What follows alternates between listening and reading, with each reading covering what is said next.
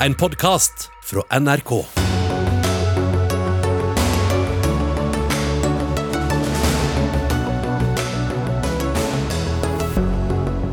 Ferjeforliket er en seier for opposisjonen, sier fylke, fylkesrådslederen i Nordland. Dette er kun valgflesk, svarer Høyre, men også de vil sette ned prisene. Studenter på Høgskolen i Østfold risikerer fravær om de ikke har på kamera under obligatorisk undervisning. Det kan føre til at noen studenter ikke får tatt eksamen. I fjor ble vietnamesere flydd inn med charterfri fly for å jobbe i norske åkre. Regjeringa må rekruttere ungdom til sommerjobber i landbruket nå, krever Arbeiderpartiet. Og olje- og gassproduksjonen som er planlagt i Norge er i tråd med klimamålene, sier regjeringen. De misbruker forskningen, kritiserer SV. Der kom det i hvert fall noe lyd. God kveld og vel møtt til Dagsnytt 18, hvor vi også skal snakke om store demonstrasjoner i Spania pga. en fengslet rappartist. Jeg heter Sigrid Solund. Det blei en dyr kveld på Stortinget i går. Da inngikk Arbeiderpartiet, Senterpartiet, Fremskrittspartiet, SV og Rødt et forlik om billigere ferjer. Et forlik med en prislapp på 1,3 milliarder kroner årlig. Bakgrunnen er eh, ferjeopprør flere steder i landet som følge av økte ferjepriser. I ferjefylket Nordland har prisene steget med over 50% de siste tre årene. Thomas Norvoll, eh, fylkesrådsleder i ferjefylket Nordland med oss fra Bodø. Dere drifter 23 ferjer i fylket. Hva kommer dette forliket til å bety for dere? Nei, jeg synes jo det er, det er nesten litt rørende å se når politikken virker. og Jeg er jo så glad for at disse fire partiene valgte å være konstruktive. og Selv om man var litt forskjellig inngang, så greide man å finne et, et kjempegodt kompromiss. Eh, det det vil bety, er jo at alle de folkene som bor på kysten, som trenger ferge for å komme seg til jobb eller komme seg til eh, fritidsaktiviteter, alle de bedriftene som, eh, som har sin aktivitet langs kysten, de kjenner ut å få redusert kostnadene sine. Det er et fantastisk handslag til kystens befolkning. Og jeg er helt sikker på at det kommer til å bety mye for utviklinga, ikke minst i vårt fylke her i Nordland. Men hvorfor er det blitt så mye dyrere de siste årene?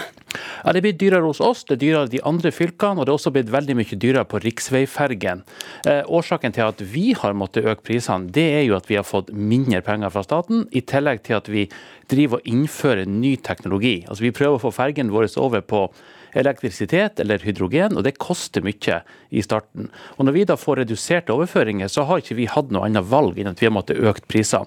Det har vært med tungt hjerte, eh, og vi er jo utrolig glad for at man nå har en, en mulighet til å få knekt av den kurven eh, og komme inn i, ei, eh, i, en, i en, ny hverdag for befolkninga på kysten. Og du har ikke hvilt siden dette kom i stand. Allerede i går kveld så tok du kontakt med kollegene dine i de ti andre fylkeskommunene. Hvorfor haster det så fælt å, å få i gang disse forhandlingene? Forhandlingene mellom fylkeskommunen og staten? Nei, nå er Det jo sånn, det Stortinget sier er jo at man skal komme tilbake allerede i revidert nasjonalbudsjett. og det er klart, Skal man klare å gjøre noe da, så er det en del sånne teknikaliteter som må på plass. Så jeg tenker det at det naturlige nå det er at, at vi fra fylkeskommunene setter oss ned sammen med Samferdselsdepartement, kanskje Kommunaldepartement, og ser ok, hva, hva skal det koste eh, å kjøre ferge i Norge. Eh, Finn fram et felles regulativ, som det heter, sånn at vi har noe å jobbe for. For jeg tror I tillegg til at man må putte mer penger inn, så bør man nok også gjøre det sånn at eh, fergen koster det samme. Sånn Skal du ta en fergetur i Nordland eller i, på Vestland så, som er like lang, så bør de koste det samme. Og Det er en jobb som må gjøres før man kan, før man kan få, få satt ned prisene. Bård Ludvig Thorheim, du er stortingskandidat for Nordland Høyre og medlem av partiets eh, sentralstyre. Eh, ferjeforliket kaller du for, for, valgflesk. Hvorfor er det valgflesk?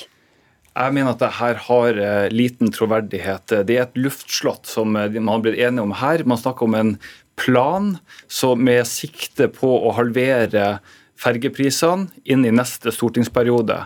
Så eh, de her som tar ferge i Nordland, skal altså smøre seg med tålmodighet i kanskje fem år for å faktisk få eh, prisene ordentlig ned. Eh, mens når det kommer til stykket, når vi har foreslått i Nordland å eh, faktisk bare halvere de med en gang fra 1. mai, ja da vil ikke Arbeiderpartiet og Senterpartiet være med. Så, her så det er, er for lite offensiv i opposisjonen, ja, er det det du sier? Det er ikke en politisk vilje til det. og jeg tror Eh, det her kommer opp nå foran et valg. Siden 2015 så har, eh, så har, Arbeiderpartiet og Senterpartiet i Nordland skrudd opp prisene noe voldsomt, og det har de i andre fergefylker også. Vi har altså høyeste fergeprisene i landet, og det er veldig høye fergepriser overalt. Det har blitt gitt ekstra overføringer til det grønne skiftet på, eh, på ferga. Og økonomien har jo altså det enorme overskudd i Nordland fylkeskommune. Likevel og Snakk om riksregulativet her. Eh, I Nordland ligger man så langt over det. 30-60 over riksregulativet. Man har jo sprengt det. Det er jo det som er problemet. Hva er riksregulativet? Hva mener du med det? Ja, For ferge på hva det skal koste. Ja, det, altså, ok, Så dere har gjort det unødvendig dyrt? Kunne kuttet prisene for lenge siden hvis dere bare hadde villet, hører vi her, Norvoll?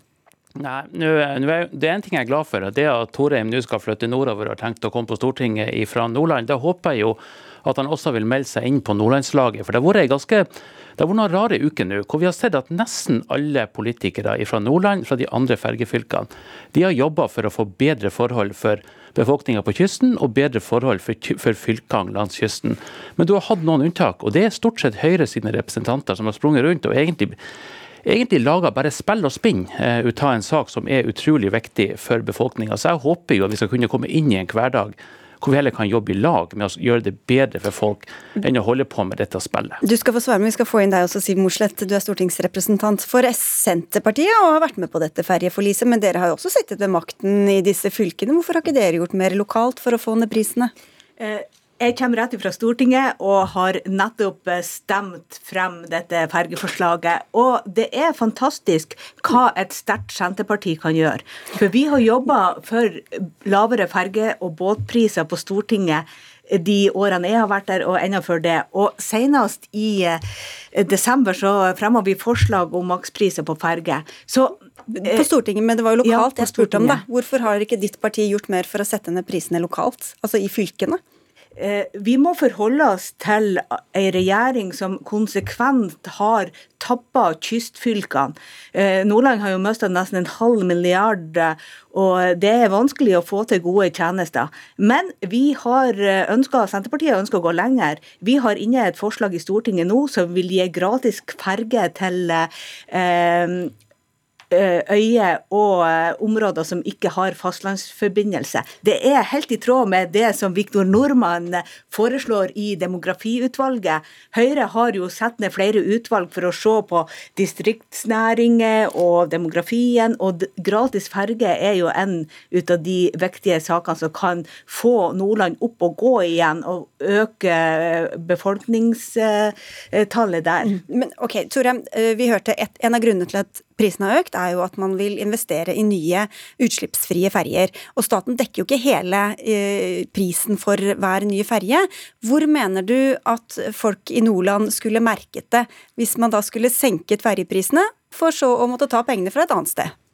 Altså, Det er jo det her som, eh, som mine kollegaer her ikke vil nevne. og det er jo at eh, Inntektene har økt. Det har vært ekstra overføringer både i 2018, 2020 og for 2021. Men har de økt fullt ut med det utgiftene også, har vært? Og så har, du, også økning av inntekter fra Havbruksfondet. Og jeg vil jo si at det økonomiske handlingsrommet, altså det fondet de har nå, har altså blitt dobla siden 2015 til 1 milliard kroner som de sitter og, og gnir på. Og jeg syns det her bør komme kystnæringa til, til, til, gode. Men kan bare si en ting at jeg er enig jeg er helt enig i at eh, Stortinget bør bidra, der, og der er Høyre helt på linje. Vi bør bidra til å få ned fergeprisene, men det må være eh, et samarbeid, og fylkene må ta det ansvaret de har. og Arbeiderpartiet og Senterpartiet kunne tatt mye mer ansvar. Så, men du mener også egentlig at staten skal betale mer, da? Ja, det er korrekt. Ja, Hvorfor kan ikke de som, betaler, de som bruker ferjene betale dem, da? Akkurat som alle som kjører på en vei betaler bompenger for å betale for den?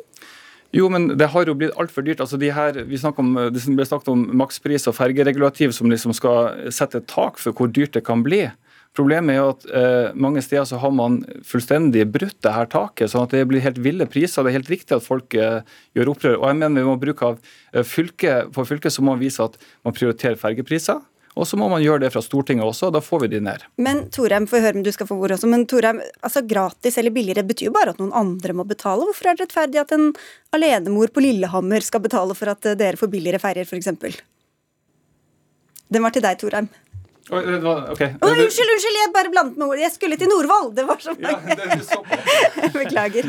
Ja, nei da. eh, Og, og, og, nå er det jo, vi, vi håper å si, Landet vårt er jo et, eh, et spleiselag. eh, Og nå tror jeg det er kysten sin tur. Eh, Og jeg syns befolkningen på kysten fortjener at de får et, et kraftig eh, håndslag. Og så må jeg jo si at jeg, jeg tror ikke at Thorheim Torheim har lest Nordland fylkeskommune sitt budsjett. Eh, Hvis man ser på det grønne skiftet, vi har nå tre samband som vi har elektrifisert. Det kosta oss en merkostnad i investeringer på 160 millioner kroner. Vi fikk dekt 50 av dem. Så der ryker det over 100 millioner kroner, så vi måtte hente fra, fra egen, eget budsjett for å få det på plass. Og vi ønsker det, men det er, det er med å tynge økonomien vår. Så, så nevner han Havbruksfondet. Det er mulig det er litt teknisk, men det er penger vi får for at det er eh, aktivitet langs kysten. De pengene skal jo brukes til næringsutvikling. De er jo satt av for å støtte prosjekter rundt omkring i kommunene, enten det dreier seg om infrastruktur. Vi har nettopp fått beskjed nå at det lages en eh, en eh, battericellefabrikk på Mo i Rana som kan gi et over 1000-1500 nye arbeidsplasser. Det, det, det er denne type tiltak de pengene brukes til. Så det er ikke midler du uten videre bør sette inn i den ordinære drifta. Da blir vi helt handlingslamma i forhold til å gjøre andre ting. Nå skal jeg se på riktig person her, Tore. For hvis du mener at staten bør inn og betale mer, hvorfor kritiserer du da fylkeskommunen for ikke selv å ha satt ned prisene? Jeg skjønner ikke helt logikken her. Ja, jeg sier at de, Siden 2015 så har da prisene økt noe eh, voldsomt på fylket. og Vi kan godt gå gjennom teknikalitetene i budsjettet, jeg har lest budsjettet veldig nøye. Men faktum er at du kan halvere fergeprisene i Nordland på fylkets budsjett, og fremdeles kunne sette hundrevis av millioner kroner inn i fond, så at det er handlingsrom. og Det ønsker jeg vi skal bruke, og så skal vi, få fra, skal vi også få fra Stortinget. Torheim han skylder på fylkeskommunen. Men la oss ta et eksempel hvor staten alene har ansvaret. Og det er på fergen som går f.eks. til Værøy og Røst, øyen utafor uh, Bodø, Lofotøyen. Der er det staten som har det hele og fulle ansvaret. Der koster det nesten 1000 kroner dersom en familie skal eh, ta bilen og kjøre eh, til fastlandet. Med Senterpartiet sitt forslag, som er til behandling nå, så vil de kunne kjøre gratis. Eh, du skylder på fylkeskommunen, men hvorfor har ikke eh, regjeringa halvert eller redusert fergeprisene til Værøy og Røst, f.eks.? Eh, Jeg jeg, jeg vet hvorfor. Ja, men det er jo ok, da, Ja. kan du, Ja, altså, Siden du eh, spurte, så kan du få lov å Ja, altså, eh, Det har blitt gitt eh, ekstra penger til, eh, til omlegging av fergedrift og mer grønne eh, ferger. Men jeg er enig i at det må gis mer, for det kommer til å koste masse penger fremover. Og det finnes Enova-midler man kan søke på. og Så er jeg enig i at det må gis mer til den grønne omstillinga. Ja.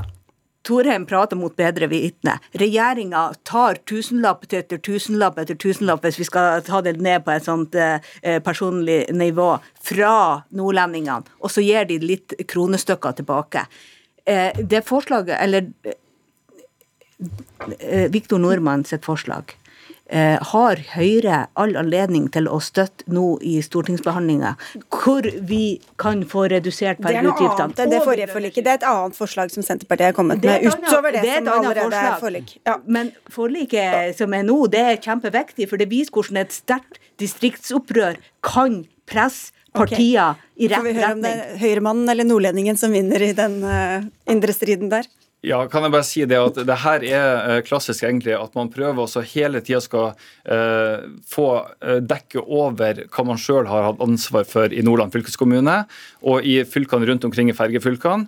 Eh, heller eh, for, for, fordi at det, det smerter å innrømme, men eh, det må altså være et eh, ansvar her på eh, begge for å f- komme i mål. Hvis ikke så vil du få ekstra penger fra Stortinget, og så settes de også på bok, og så Greit. får ikke Ok, ja, Vi, må, vi må avslutte, Morsen. Jeg vet at du vil snakke om det andre alternative Nei. forslaget. Men, ja, men jeg vil bare spørre deg om, om eh, siste spørsmål om dette, om dette forliket. Nå har vi sett veldig store utgifter for staten det siste året pga. alle koronapakkene. Hvorfor er dette riktig tidspunkt å komme med enda et sånt stort forlik som kommer til å koste masse penger? Det kommer til å koste penger, men nå er det kystfylkene sin tur, havfolket, kystfolket, til å få uh, uh, bedre hverdager. Uh, Pengestrømmen har gått fra distriktene til sentrale strøk, og vi ønsker gode tjenester nær folk også ute i distriktene. Det syns jeg er ikke dette er en slags nødhjelp.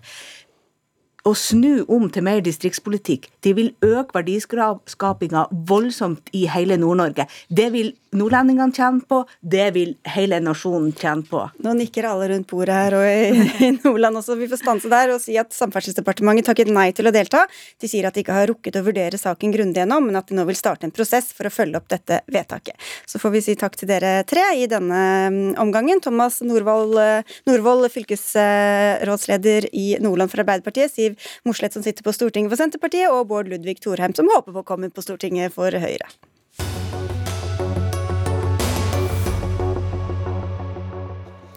Hjemmeundervisning er blitt den nye hverdagen for mange, uten at alle er like komfortable med det. Vi hører både om lærere som fortviler over svarte skjermer, og om elever som opplever kamerapress fra lærere.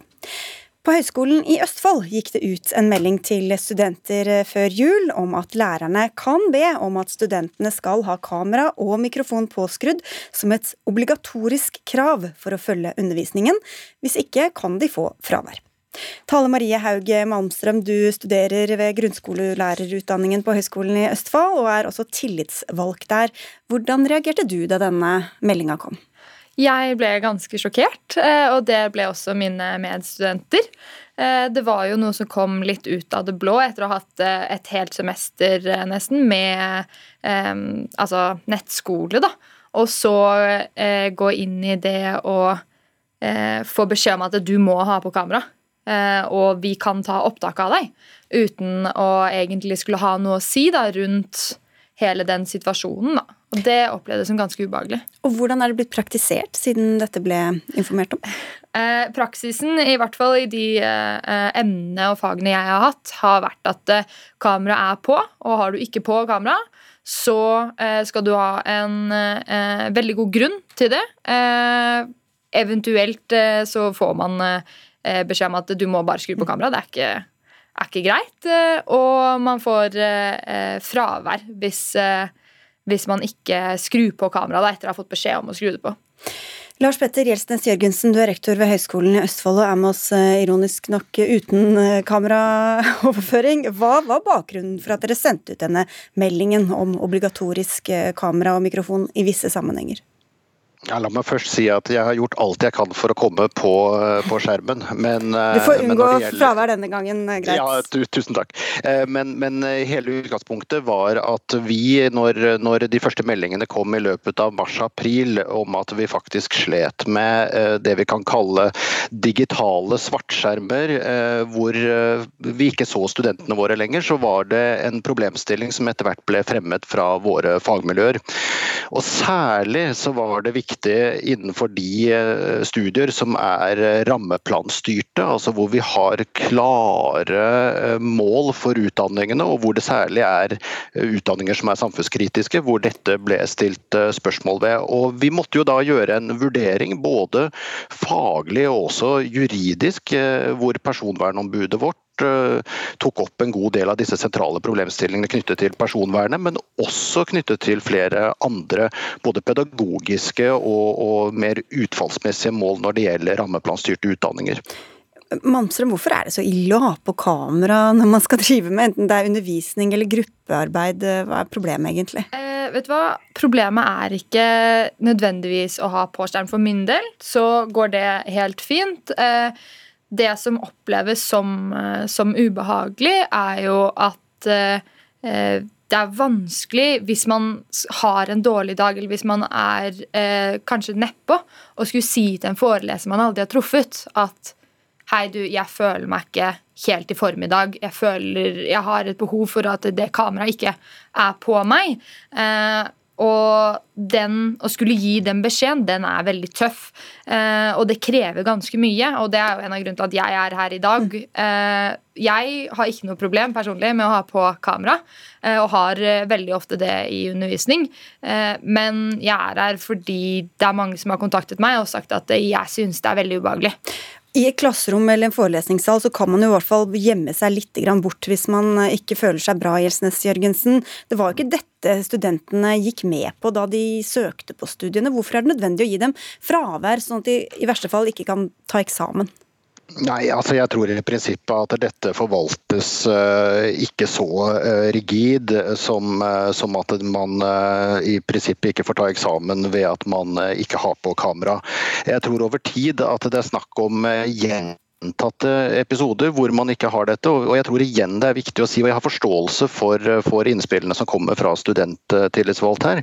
Og det tror jeg er elementer som vi må diskutere. Altså Har nivået her for, for uh, si, tillatelse til å, å, å, ha kamera av vært for strengt hos oss, det tror jeg er noe vi må gjennomgå i etterkant av denne saken. Syns det er betimelig at vi diskuterer det. Men samtidig må vi huske uh, at disse studiene og de studiene som studentene her har valgt, det er utdanninger som i stor grad retter seg mot mennesker som også kan ha sårbare grupper. Barn, eldre, syke, institusjonsplasserte osv. der er vi også nødt til å sikre på sett og vis hvordan uh, skikketheten til studentene som skal utdannes er. Uh, det har vært vanskelig i den situasjonen vi står i nå med covid-19, hvor også praksis bl.a. har vært avlyst. Så, og når vi da kan, kan prinsipielt gå et år uten at vi ser våre studenter, uh, eller at studenter faktisk ikke deltar, så er det et, en utfordring for oss når vi faktisk er underlagt skikkethetsvurdering. Ja, og, og det, det, har jeg stor forståelse for, at dere har Eh, retningslinjer i forhold til skikkethet, eh, men det som jeg stiller meg da skeptisk til, er hvor godt kan en foreleser som jeg aldri har truffet, eh, og som mine medelever kanskje aldri har truffet, fastslå om jeg er skikket til å være lærer eller ikke. Og, da spesielt i, forhold til mitt kull, så har vi hatt tre uker praksis allerede og skal nå etter vinterferien inn i tre uker til med praksis. Og jeg tror at man burde sett på en annen løsning, da. Mm. Vi skal få inn en tredjeperson her også. Bjørn Erik Thon, direktør i Datatilsynet. Mm, obligatorisk kamera med mulige sanksjoner. Hvilke utfordringer kan det skape? Eh, ja, Det er helt tydelig at dette her er noe som engasjerer. Eh, for Vi har fått ganske mange henvendelser til oss eh, i det siste året, både fra lærere, studenter og undervisningsinstitusjoner om hvor disse grensene egentlig skal gå hen. Og Jeg tror nok at er lurt når man skal diskutere dette, å ikke være for firkanta eller eh, kategorisk. Eh, det er gode grunner eh, både til at man skal ha på kamera, og at man skal skru av kamera. Men hvis man er i en situasjon eh, hvor man begynner å stille krav, eller si det er obligatorisk eh, å ha på kamera, så må man nok fra undervisningsinstitusjonen eller fra lærerens side ha veldig gode grunner for det. Eh, man må ha veldig klart for seg hva man egentlig ønsker å oppnå. Det kan selvfølgelig være at Eh, det er noe helt spesielt med det studiet, eller med den undervisningsformen eller med det pedagogiske som gjør at man stiller et sånt krav. Eh, men vi tror nok at man skal være forsiktig og synes man skal være forsiktig med å stille et, eh, et sånt krav og være for kategorisk. Så det at lærerne nok må tåle litt mindre kontroll, men samtidig kanskje at også studentene må tåle litt mer kamera i den situasjonen vi er nå, det kan være en, et godt utgangspunkt, tror jeg, for å finne gode løsninger. Ja, eh, og det Jeg tror eh, å ha en dialog er det som er viktig her. Og det er jo det vi tillitsvalgte og vi studenter føler at det har gått bort da, i den uh, situasjonen vi er i, nå. At vi ikke har hatt noe kommunikasjon med høyskolen rundt dette påbudet da, som de har kommet med. Og jeg tror det som hadde vært den beste løsningen er at man eh, setter seg ned og får en ordentlig samtale rundt det. Eh, og da også med de fleste tillitsvalgte, sånn at man får representert store deler av eh, studentene. Det var vel ikke noe kjempegodt skussmål Gjelsnes Jørgensen, for Nei, ledelsen hos dere? Ja, Det tror jeg nok jeg kan modifisere noe. Altså, det ene er jo at vi har jevnlig dialog med studentene om ulike aspekter. Studentleder ved vår organisasjon sitter fast i våre ledermøter alle mulige saker, både kritiske og, og andre aspekter, mm. inn til, til, vårt bord til diskusjon. Og så vidt meg bekjent så er ikke denne saken diskutert. Eh, faktisk Allerede forrige uke så var det et programmøte på lærerutdanningen hvor denne saken kunne vært tatt opp og diskutert. Så ble ikke gjort. Eh, I stedet sitter vi her og diskuterer den. Og jeg tenker Det er greit at vi løfter den, fordi at det er noen prinsipielle spørsmål som vi trenger å avklare. og jeg må bare si først at, at Vi hadde altså 250 emner som som vårt personvernombud gjennomgikk i forhold til å ha på kamera eller ikke ha på kamera, eller ha på mikrofon eller ikke mikrofon. Og Det er et marginalt andel, eller marginal andel av disse emnene som faktisk har fått pålegg om å ha det. og Slik jeg forstår det, så er det 5-10% av de undervisningstilfellene som er hos oss, som faktisk har kamera på eller ikke. Ton, til slutt her, Hvilke kjøreregler er det? Nå snakker vi om studenter, men hva er det som gjelder for arbeidslivet, for eventuelt kamerapåbud, f.eks. hos dere i Datatilsynet? Eh, vi eh, ønsker eh, i våre møter, f.eks. ledermøtene, at alle skal ha på kameraene sine. Hvis vi har allmøter, så ser vi litt mildere på det. Det er viktig at man kan se folk, men det er viktig at det ikke skal være noe tvang i dette også. Så jeg tror det med kjøreregler som begge er inne på her, sånn er det en, en, riktig vei å gå. Og dette trenger ikke å være så innmari vanskelig heller. Man trenger ikke alltid å gå inn og liksom se akkurat hvor går grensene mellom det lovlige eller det ulovlige. Ved å f.eks. bruke bakgrunn, som man kan gjøre, så kan man eh, altså en virtuell bakgrunn, så kan man unngå at man ser hvem som holder på å leke i bakgrunnen, hvis man har småsøsken hjemme f.eks. Eh, og hvis man, hvis man klarer å skape en god dialog da, mellom lærere og elever, så tror jeg man kan komme veldig langt. Og Hvis man ikke går ut som et utgangspunkt og sier at dette er pålagt, så tror jeg også man får mye større aksept for at man i enkelte situasjoner faktisk sier at dette skal være pålagt fordi det er noe pedagogisk eller noe med undervisningsformen som gjør at man skal uh, ha, på, ha på kamera. Ok, Vi var litt uenighet her om hvor god kommunikasjonen hadde vært fram til nå, så får vi se om den bedrer seg etter denne opptreden. Takk skal dere ha alle tre. Tillitsvalgt Tale Marie Haug Malmstrøm, rektor Lars Petter Gjelsnes Jørgensen ved Høgskolen i Østfold, og til eh, direktør i Datatilsynet Bjørn Erik Thon.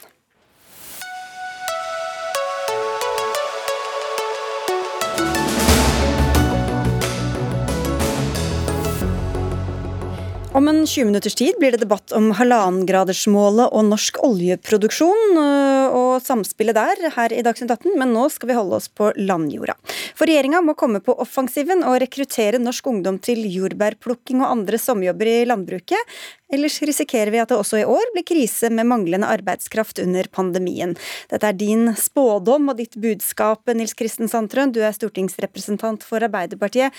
Hvorfor er det så viktig at norske ungdommer tar disse sommerjobbene i landbruket? Det er viktig av to grunner. For det første skal vi gjennomføre matproduksjon. Og for det andre så er det kun halvparten av landets 17-åringer eh, f.eks. som nå har betalt arbeid i løpet av et år. Så den krisa er jo der til vanlig, og nå i den økonomiske krisa så er problemet for ungdommen desto større. Men da sier vi at det er spesielt én næring som vil trenge mange tusen hender denne sommeren, og det er mange tusen ungdom som trenger arbeid. og Da må vi koble dem. Og da må vi ha et systematisk opplærings- og rekrutteringstilbud nå, hvor Nav, landets videregående skoler og faglagene i landbruket kommer sammen og får denne rekrutteringsjobben gjort. Men 17-åringer har vel generelt ikke så mye med Nav å gjøre hvis de skal ut og søke sommerjobb? Hvordan skal dette fungere, mener du? Jo, det har eh, med jobbformidling å gjøre. Og det er et felles ansvar som eh, Nav har sammen med næringa for å få rekruttert folk. Og denne sommeren her så er det jo veldig mange færre gjestearbeidere som vil komme. Vanligvis er det 20 000 gjestearbeidere i Norge i løpet av en uh, sesong. Og Den arbeidskrafta den må nå fylles, og da har vi en mulighet for å la ungdommen komme i arbeid i jordbæråkeren og med annen viktig mm. matproduksjon. Ja, Ungdommen trenger jobb, og landbruket trenger arbeidskraft. Arbeids- og sosialminister Torbjørn Røe Isaksen, eh, hva venter dere på? Nei, Vi er i gang med dette allerede. Så jeg, jeg, da sier vi takk for at dere kom. Ja, og... ja, nettopp det. Vi kan vel egentlig bare avlyse denne debatten. For det, det var ingenting av det Sandtrøen sa som jeg var på noen måte uenig i. Både at uh, landbruket trenger folk. Vi har mange som er ledige og permitterte. De kan bidra. Norsk ungdom trenger sommerjobber. Vi må gjenreise egentlig sommerjobben i Norge. Det har blitt ekstra vanskelig nå under korona, men det har vært færre sommerjobber lenge. Der er vi i gang. Nav er klare til å både hjelpe ungdommer til å få sommerjobb, både som jordbærplukkere og plukkere av annet og hva det nå måtte være. Og, eh, og, vi har tiltak for å hjelpe de som trenger et ekstra dytt inn til sommerjobb også. Blant annet eh, så skal vi gi en liten ekstra gulrot til arbeidsgivere som da tar imot eh, ungdom som er i Nav.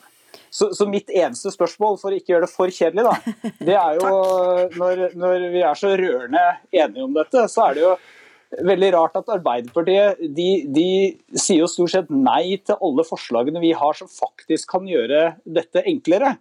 Eh, jeg har denne uka her lansert at vi skal gi sommerjobb til 2000 ungdommer. Det syns ikke Arbeiderpartiet var noe særlig. Vi har gjort justeringer i dagpengeregelverket, sånn litt enkelt forklart. Så har vi sagt at du skal, du skal få, få, en liten gulrot for å være med på å plukke jordbær. Eh, eller et lite jordbær for å være med på å plukke jordbær ved at du får beholde litt mer av dagpengene enn du gjør i andre bransjer. Da sier Arbeiderpartiet ikke bare tvert nei, men de blir sure fordi vi prøver å gjøre noe for å gjøre det lettere for arbeidsledige og permitterte å ta seg jobb i jordbruket. Okay. Så akkurat det skjønner jeg ikke helt. Er du sur, Sandtrøen? Nei, vi er tvert imot veldig offensive og optimistiske på vegne av ungdommen. Og det er det som er poenget. Men her var det jo en liten pussig historietime. For det var jo Arbeiderpartiet som tok ansvar på Stortinget i fjor. Fikk et enstemmig vedtak som høyreregjeringa deretter brøt. Vi fikk vedtatt at vi skulle sikre arbeidskraft, og det skulle skje sammen med partene i arbeidslivet. Det høyreregjeringa gjør, er jo å sementere lave lønninger, dagpenger. Ja, men da skjønner jeg ikke, Hva er det, hva er det Torbjørn Isaksen sa som du er uenig i? Hva er det dere egentlig etterlyser? Uenig i to ting. For det første så går det her altfor treigt. Jeg har ikke hørt om en eneste videregående skole som har hatt besøk av faglagene i landbruket og Nav f.eks. For, eksempel, for å sette i gang en ordentlig systematisk opplæring og rekruttering. Så hvis eh, arbeidsministeren kan gi noen eksempler på videregående skoler som har hatt det, så ville det vært veldig interessant. Skal vi begynne der da, Torbjørn Isaksen? Ja, nei, eh, det er, det er helt riktig. Nå, nå, er det nok en forskjell på på Sandtrøen og Arbeiderpartiet og meg. for Jeg, jeg tror nok ikke at uh, faglagene skal vente på Arbeids- og sosialdepartementet eller statsråden før de er ute og rekrutterer ungdom, i en situasjon hvor de vet at det kommer til å bli vanskelig, om mm. ikke umulig, å ta inn ufaglært arbeidskraft. Er de rundt og, jo, men nei, selger seg? Men Nav fordi de er ikke det. Og høyreregjeringa har drevet med mye sånn åpning for ja, lobbyister som får innreiseunntak. Skal, skal få fullføre resonnementet her. Ja, for det, eh, Navs jobb er jo å formidle folk til arbeid. Deres jobb er også å formidle ungdom som leverer en søknaden sin til sommerjobber. Eh, vi har satt i gang sommerjobbprosjektene nå. Eh, der er landbruket kjempeviktig. Dessuten så har selvfølgelig bransjen også et ansvar. Og så er det Sandtrøen og jeg er uenige om det er at uh, Sandtrøen mener at det da er feil at vi gjør det litt ekstra attraktivt for permitterte og ledige å ta seg en jobb i landbruket. Uh, helt riktig at lønningene der er lave, derfor trenger vi en liten ekstra gulrot i en ekstremsituasjon. Det mener Arbeiderpartiet er gærent. Uh, det er helt riktig at det er partene i arbeidslivet som forhandler om lønn, men vi må altså løse denne, dette problemet når vi faktisk har det. Og da presenterer vi løsninger. Da må vi komme til kjernen.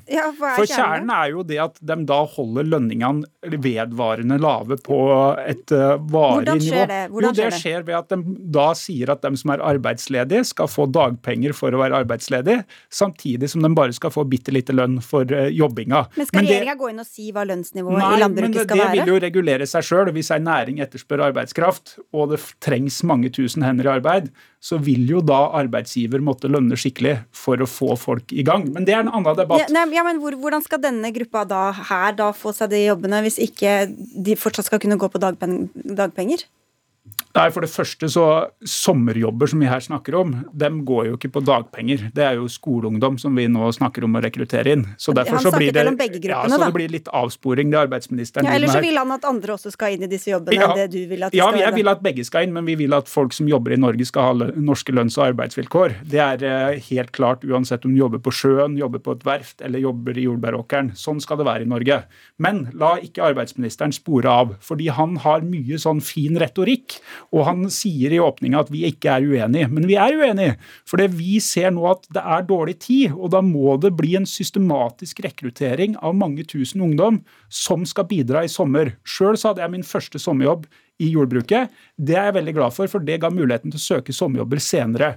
Og når det blir den seindrektige høyreregjeringa som vi har, hvor de ikke tar ordentlig tak, så er det mange ungdom som nå mister en gyllen mulighet som man kunne ha fått for å få en fot innafor det norske arbeidslivet. Isaksen.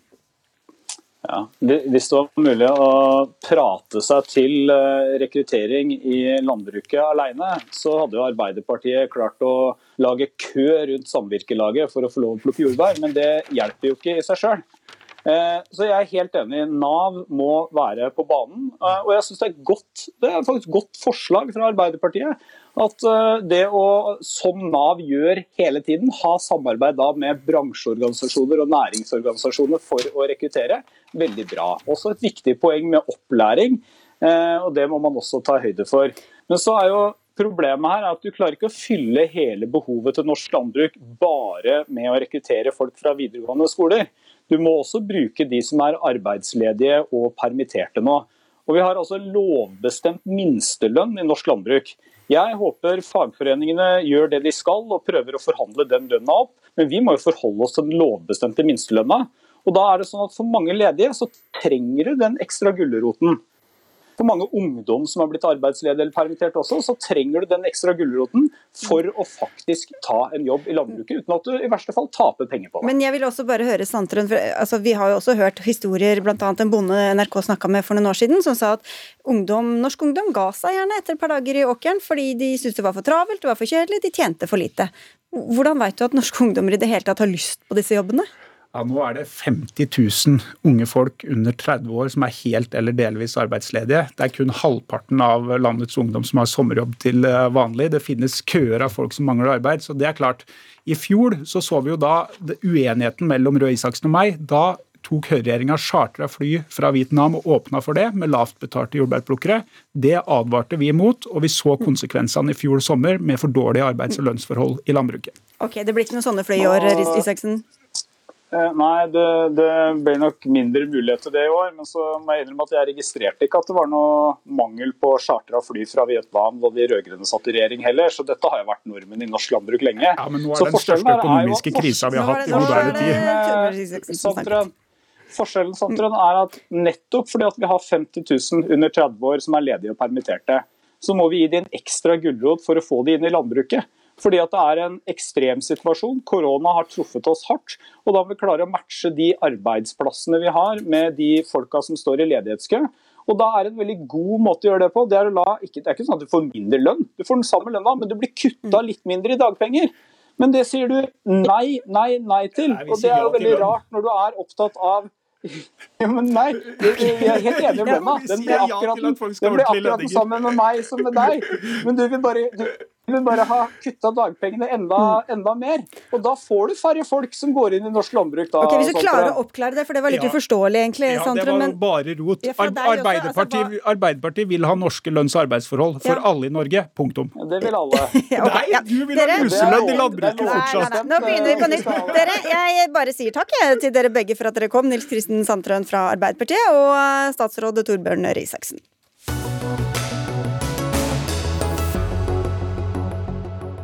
For i en hel uke har det vært voldsomme demonstrasjoner i en rekke byer i Spania. Bakgrunnen for det er at rappartisten Pablo Hasel er blitt dømt til ni måneders fengsel for å ha skrevet tekster som glorifiserer terrorister og fornærmer kongen.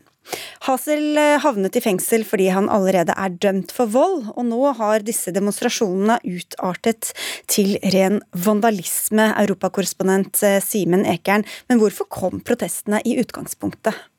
I utgangspunktet så er jo dette protester som kommer av ytringsfrihetshensyn. Mange mener det er skandaløst at en rapper skal fengsles for eh, det han har sagt eller sunget eller, eller oppfordret eh, til. Og, og, og i, i, den første rekken der så er det jo mange kjente spanske kulturarbeidere. Skuespilleren Javier Bardem eller eh, regissøren Almodovar som, som, som, ser på det på denne måten. Mm. Eh, så handler det også om et bredere politisk opprør, tror jeg man kan si nå i, i dagene framover. Mange ungdommer som er generelt misfornøyde med situasjonen, eh, preget av arbeidsløshet, en kamp mot eh, maktmisbruk fra politiet og mot en kaste i Spania som man mener styrer over hodet på, på vanlige folk. I tillegg da til de som har knust ruter og stjålet dyre jakker i helga, lørdag og søndag, som har sine egne motiver, antageligvis. Og denne artisten har selv, hva er det han er dømt for å ha sagt? Det er 64 Twitter-meldinger og én YouTube-video. Det handler da om eh, grov eh, majestetsfornærmelse, både av eh, sittende og tidligere eh, konger. Og så er det eh, særlig da disse meldingene som går på støtte til eh, dømte venstreterrorister. En melding der han skriver at nå er det på tide eh, å ikke eh, si seg fornøyd med å demonstrere, nå må vi støtte de som handler. Eh, og Da mener man da at dette er en oppfordring til den type terrorisme som, som Spania jo har vært hardt rammet av tidligere. Markus Buch, førsteamanuensis ved Institutt for samfunnsvitenskap ved Universitetet i Tromsø. Forklar litt av omstendighetene som nå gjør at han blir dømt, og at, disse, at dette vekker så store reaksjoner. Altså Den forrige konservative regjeringen til Rahoy Rajoy eh, klarte å lage en lov som er ganske bisarr sett eh, med nordeuropeiske øyne. Som faktisk sidestiller det å hylle terror med majestetsfornærmelse. Fordi at majesteten da regnes som en del av statsapparatet. Og så har ikke den sittende sentrum-venstre-koalisjonen eh, fått sommet seg til å fjerne den loven. Så man har på en måte eh, spent krokfot på seg sjøl. Eh, og så er det mange som mener at eh, dette er et varsel om noe man kan, kanskje kan se også andre steder i Europa. At det er så mye oppdemmet frustrasjon eh, knyttet til håndteringen av covid-situasjonen at dette som i utgangspunktet er en liten sak. Altså Hadde han ikke hatt disse voldsdommene på seg fra før av, så ville den dommen som han nå sitter i fengsel for, vært på en måte gjort betinget. Så det er egentlig en i utgangspunktet en ganske liten sak. Og så er det slik at sikkerhetsstyrker og journalister og andre, eh, når vi har denne typen demonstrasjoner, infiltrerer disse gruppene for å finne ut av hva det er de demonstrerer mot. Og, da viser det seg at eh, det er en veldig stor andel som ikke tenker på ytringsfrihet eller andre ting, men de ser frem til å kunne banke opp en politimann. Det er på en måte det som er svaret. Men til denne majestetsfornærmelsen. Det er altså i dag på dagen 40 år siden militæret forsøkte seg på et statskupp i Spania, og nettopp kongen Juan Carlos' rolle er blitt trukket fram som viktig for at kuppmakerne ikke vant. Og så har altså så mange vendt seg mot kongehuset. Hvorfor det? Spania er delt i to når det gjelder synet på monarkiet. Eh, og Juan Carlos eh, hadde lenge en slags legitimitet. Vi må huske på at Sosialistpartiet eh, i hovedsak støtter monarkiet, egentlig noe som de var imot før man fikk en fremforhandlet overgang til demokrati. Og nå etter hvert så har republikanerne vokst i antall, og veldig mange ser nå muligheten til å fiske i rørt vann. Så den loven som Rajoy laget, var veldig uheldig i, i denne forbindelsen. Og på et eller annet tidspunkt så må de få den fjernet. Også internt i regjeringa, Simen Ekern, har jo denne saken skapt eh, problemer. Hvordan da? Jo, den har det, for På den ene siden så sitter jo eh, partiet Podemos eh, i regjering. Et parti som på mange måter eh, sprang ut fra en type sosialt opprør. En type folkebevegelse som, som nettopp møttes i gatene for å protestere mot det man mente var et lite progressivt og, og, og makthaversk samfunn, som ikke tok hensyn til, til dem uten arbeid, f.eks. Der har jo representantene for, for, for det partiet sagt at de støtter demonstrantene, også etter at de eh, ble voldelige, og mener det dreier seg om en, eh, en generell antifascistisk kamp, som både rapperen selv kaller det, og, og Podemos-politikeren eh, gjorde det. Sosialistpartiet syns dette er litt vanskeligere, og, og, statsministeren har jo sagt at det kan ikke lenger kalles ytringsfrihetsdemonstrasjoner. Det disse demonstrantene nå gjør, er å begrense andres frihet, og det handler ikke lenger om ytringsfrihet. Så denne saken kommer i tillegg til flere andre saker som eh, splitter disse to partiene og gjør livet innad i regjeringen eh, litt komplekst akkurat nå. Markus Bukke, mm, det hører jo også til komplekset her at det er veldig mange som har dødd i Spania eller blitt drept i terroraksjoner. Hvordan spiller det inn på, på denne saken også? Det spiller helt klart inn. Eh, egentlig så kan vi ofte sammenligne med Norge før og etter 22.07. Eh, hvordan f.eks. media og sånn forholdt seg til dette med å verbalt støtte terror. Det var noe som man tenkte det er jo ikke så farlig.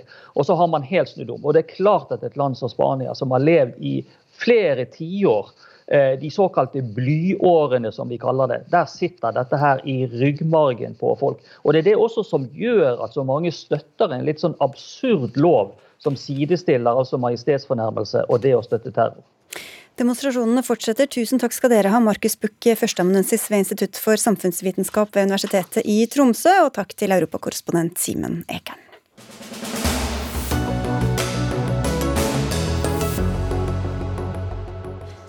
Norges eh, forventede olje- og gassproduksjon er i tråd med hva FNs klimapanel har sagt at vi kan ha, og fortsatt begrense den globale oppvarmingen til halvannen grad.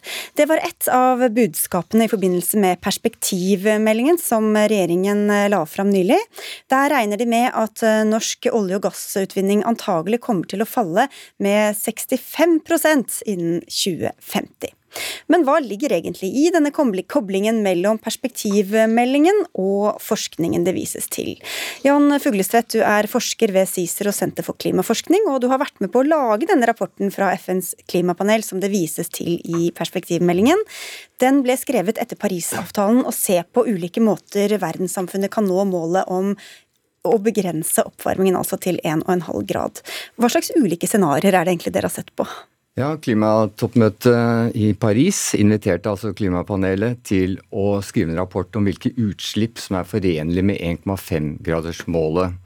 Og Scenarioene viser ulike mulige veier inn i fremtiden. Og Det er ikke anbefalinger, og det er ikke prediksjoner. Eh, vi ser på et stort spenn av scenarioer som alle klarer 1,5. Og det viser altså hva som skal til på tvers av sektorer og over tid. Um, de, er, de viser hvilke avveininger vi står overfor, og hvilke hensyn vi må ta til andre mål vi har, sånn som bærekraftsmål og ja, matvaresikkerhet og slikt. Så det er et eh, hjelpemiddel for å kunne planlegge for fremtiden. Og Hva sier disse forskjellige scenarioene om hvor mye olje og gass som kan utvinnes i løpet av de neste tiårene? Ja, For det første så, så viser de én ting veldig robust, er at kull må ut. Det må store reduksjoner i kullproduksjonen. Når det gjelder olje og gass, så er det store spenn i, de, i det scenarioene viser. Og Det betyr at det er veldig avhengig av hva som skjer i andre sektorer og i andre land, og også senere over tid i dette uh, århundret.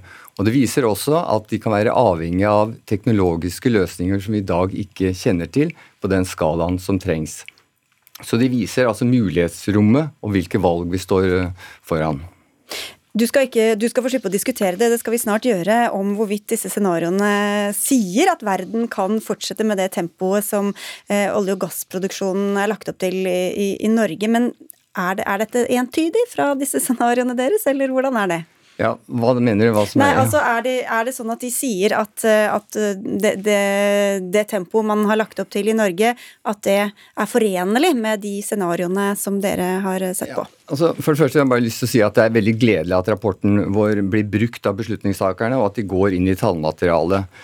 Eh, vi skal huske på at disse scenarioene viser hva som skal til på et globalt plan. Og det er ikke så lett å trekke direkte slutninger fra det globale ned til enkeltland her.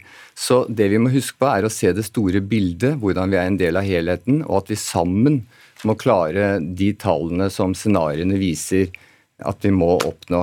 Så det er ikke noen sånn entydig overgang fra det globale til det enkeltlandsnivå.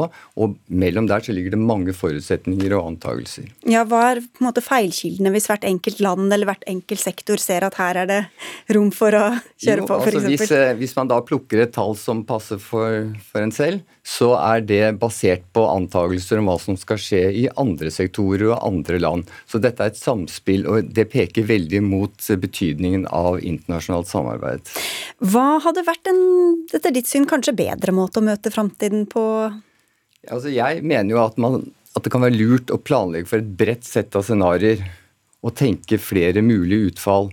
Og det er noe med å forsikre seg mot ulike veier eh, som utviklingen kan gå. Så jeg mener at man kan bruke disse scenarioene som et grunnlag for å planlegge for ulike utviklinger og utvikle en robust eh, klimapolitikk. Mm. Du, takk skal du ha, Jan Fullstvedt, forsker ved CICERO, også med på denne rapporten. Du skal få slippe å diskutere med politikerne, men takk for at du kom. Norsk oljeproduksjon er altså på et eh, nivå som er i tråd med det som eh, må gjøres for å nå klimamålene, i hvert fall ifølge en av gjestene som nå har kommet inn i studio, og det er deg, olje- og energiminister Tina Bru. Hva, hva mente dere med det dere sa da i forbindelse med denne perspektivmeldingen som dere nettopp la fram? Altså, perspektivmeldingen er jo et bilde på hva som kan skje i framtida, basert på de anslagene vi nå har, og hva vi forventer skal være utviklingen.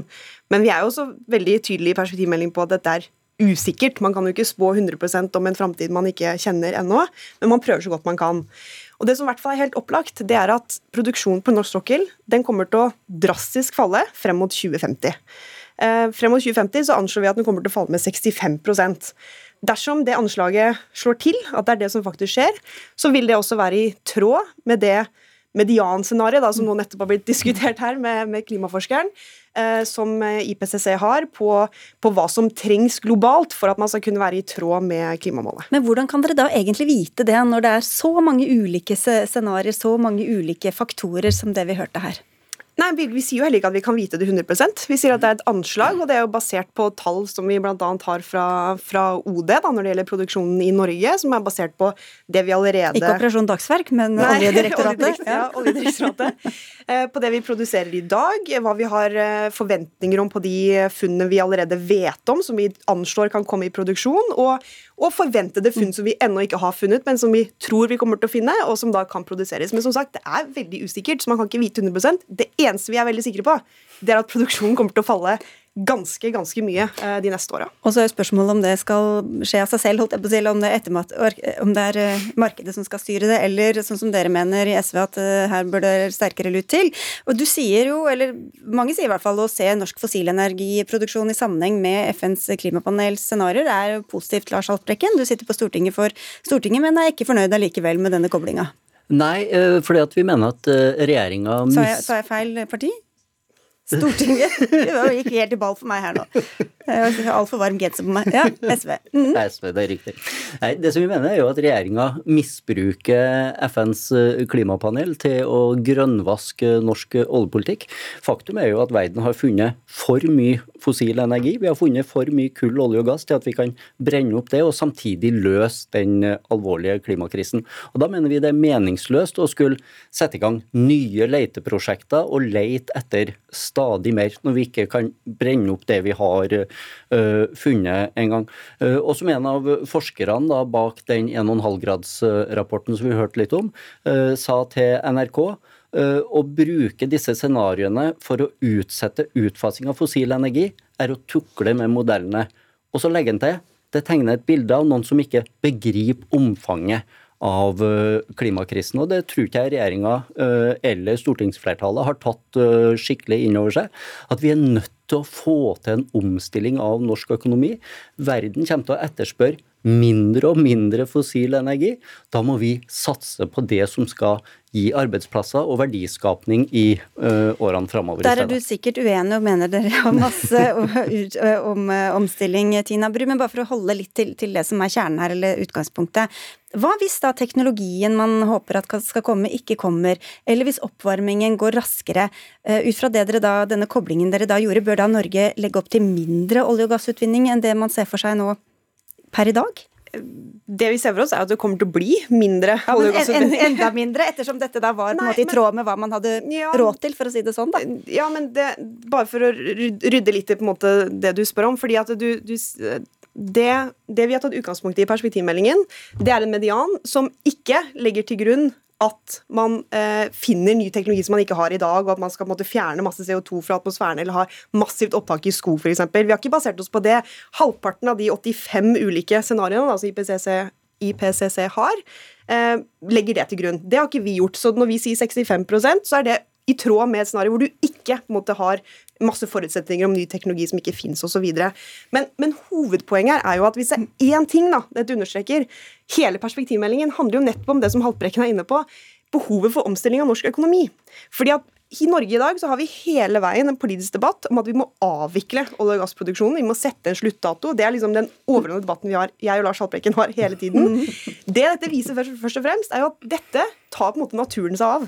Vi kommer til å gå tom for ressurser på norsk sokkel hvis ikke vi finner liksom gigantiske nye funn, og det er det ingenting som tyder på at vi kommer til å finne. Men hva betyr denne koblinga da, hvis, hvis, det ikke har noe å si for eh, politikken dere legger opp til? Jo, det betyr jo at eh, perspektivmeldingen og klimapolitikken og olje- og gasspolitikken er jo ikke frikoblet fra hverandre. fordi at det som kommer til å styre etterspørselen etter olje og gass i verden, kommer jo også til å være hvor godt verden lykkes med klima å bekjempe klimaendringene. Så når man ikke skal bruke olje og gass i transportsektoren f.eks., man skal ikke bruke det til kraft eller oppvarming, så vil det selvfølgelig påvirke hva slags etterspørsel og behov det kommer til å være for olje og gass i framtida.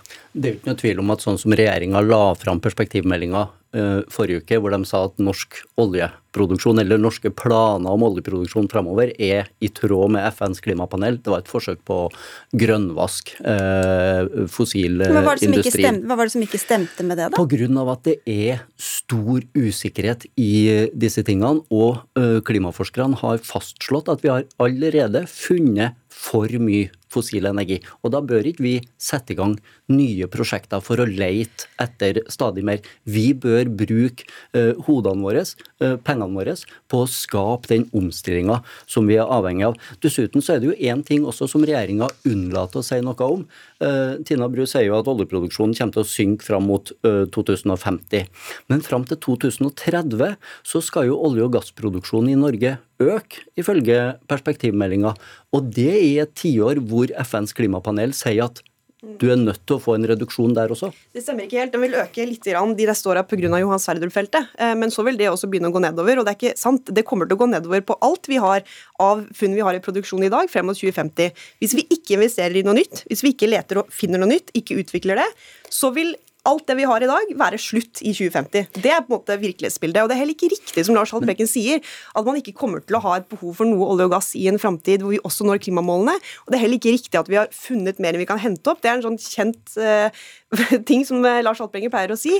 Men sannheten er også at hvis man ikke globalt da, investerer i noe nytt, finner noe mer, løfter den produksjonen, så kommer produksjonen globalt til å falle med ca. 8-9% årlig frem mot 2050.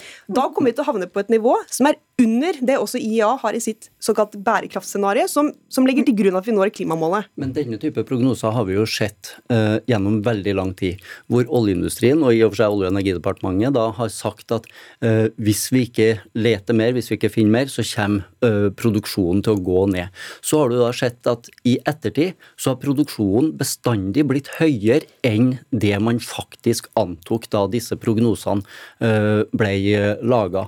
Og det kan jo like fort skje nå også, pga. at regjeringa setter i gang stadig nye prosjekter for å leite etter mer olje og gass, og gjør det også lenger nord. Og stortingsflertallet til og med går jo inn og sørger for at utbygginga som var ulønnsom før koronapandemien, nå kan bli mer lønnsom som en følge av de tiltakene de setter vekk for å gi skattelettelser ser litt Overordna på det, Tina Bru, så sier jo da noen av scenarioene at ja, vi tåler så og så mye olje- og gassutvinning. Andre sier at da er vi avhengig av at alt skal fungere og klaffe på andre sektorer i andre land. Hvorfor skal man ta den sjansen? Vi tar ikke en sjanse. Vi, vi, baserer oss på det som det er mest fornuftig å basere seg på, gitt at framtida er usikker. og er det, det, er derfor vi også bruker den, det medianscenarioet til FNs klimapanel. fordi at det er en sammenstilling av på en måte, alle de ulike scenarioene, som jo er veldig store i spenn, men som sier dette er liksom det mest sannsynlige. Men selvfølgelig, det, vi må jo, verden må jo gjøre masse ulike ting for å nå målene. Mange ulike virkemidler i ulike land som har helt ulike eh, utfordringer. Norge f.eks., som er et land som har en tilnærmet 100% fornybar kraftsektor har ikke det som utfordring, det har andre land. Selvfølgelig så kan man jo ikke vite akkurat hvordan dette vil utspille seg, men alle land må jo ta sitt ansvar, og det gjør også Norge på veldig mange ulike måter. Og hvis, Norge, og hvis Norge sier at nå skrur vi igjen kranene, så åpnes de andre steder for fullt? Eh, Nei, det gjør det ikke nødvendigvis. Forskning fra Statistisk sentralbyrå viser at reduserer du oljeproduksjonen i Norge, så får du ikke en tilsvarende økning i andre land. Så noe av det viktigste Norge kan gjøre for klimaet, men også for å sørge for den omstillinga over til det vi skal leve av eh, framover, er å slutte å lete etter mer uh, olje og gass, og så begynne å utvikle de fornybare arbeidsplassene som vi skal leve av framover i stedet. Det kan vi i hvert fall være enige i. det siste, det siste Haltbrekken. Det siste, ok. Ja, men da, nå må jeg jo avslutte, da, når det enda vi har et halvt minutt igjen. Nei, men dere, da sier vi det sånn. Eh, takk skal dere ha, i hvert fall begge to. Eh, Lars Haltbrekken, som sitter på Stortinget for SV, og olje- og energiminister Tina Bru, som altså representerer Høyre. Og takk til Jan Fugles Tvedt, som er forsker fra Cicero og hadde vært med på å skrive denne rapporten. Dagsnytt 18 er ved veis eh, ende. Det var eh, Dag Dørum som hadde det tekniske ansvaret. Hilde Tosterud hadde Nei, Dag Theodor Altså, igjen, beklager alt jeg har sagt, det har bare vært tull de siste ti minuttene. Dag Dørum var ansvarlig for sendingen, Hilde Tosterud hadde det tekniske ansvaret, jeg heter Sigrid Solund, og i morgen er det heldigvis, kan vi kanskje si, Gry Veiby som sitter i dette studio, forhåpentlig da med tunga riktig plassert i munnen. Takk skal dere ha.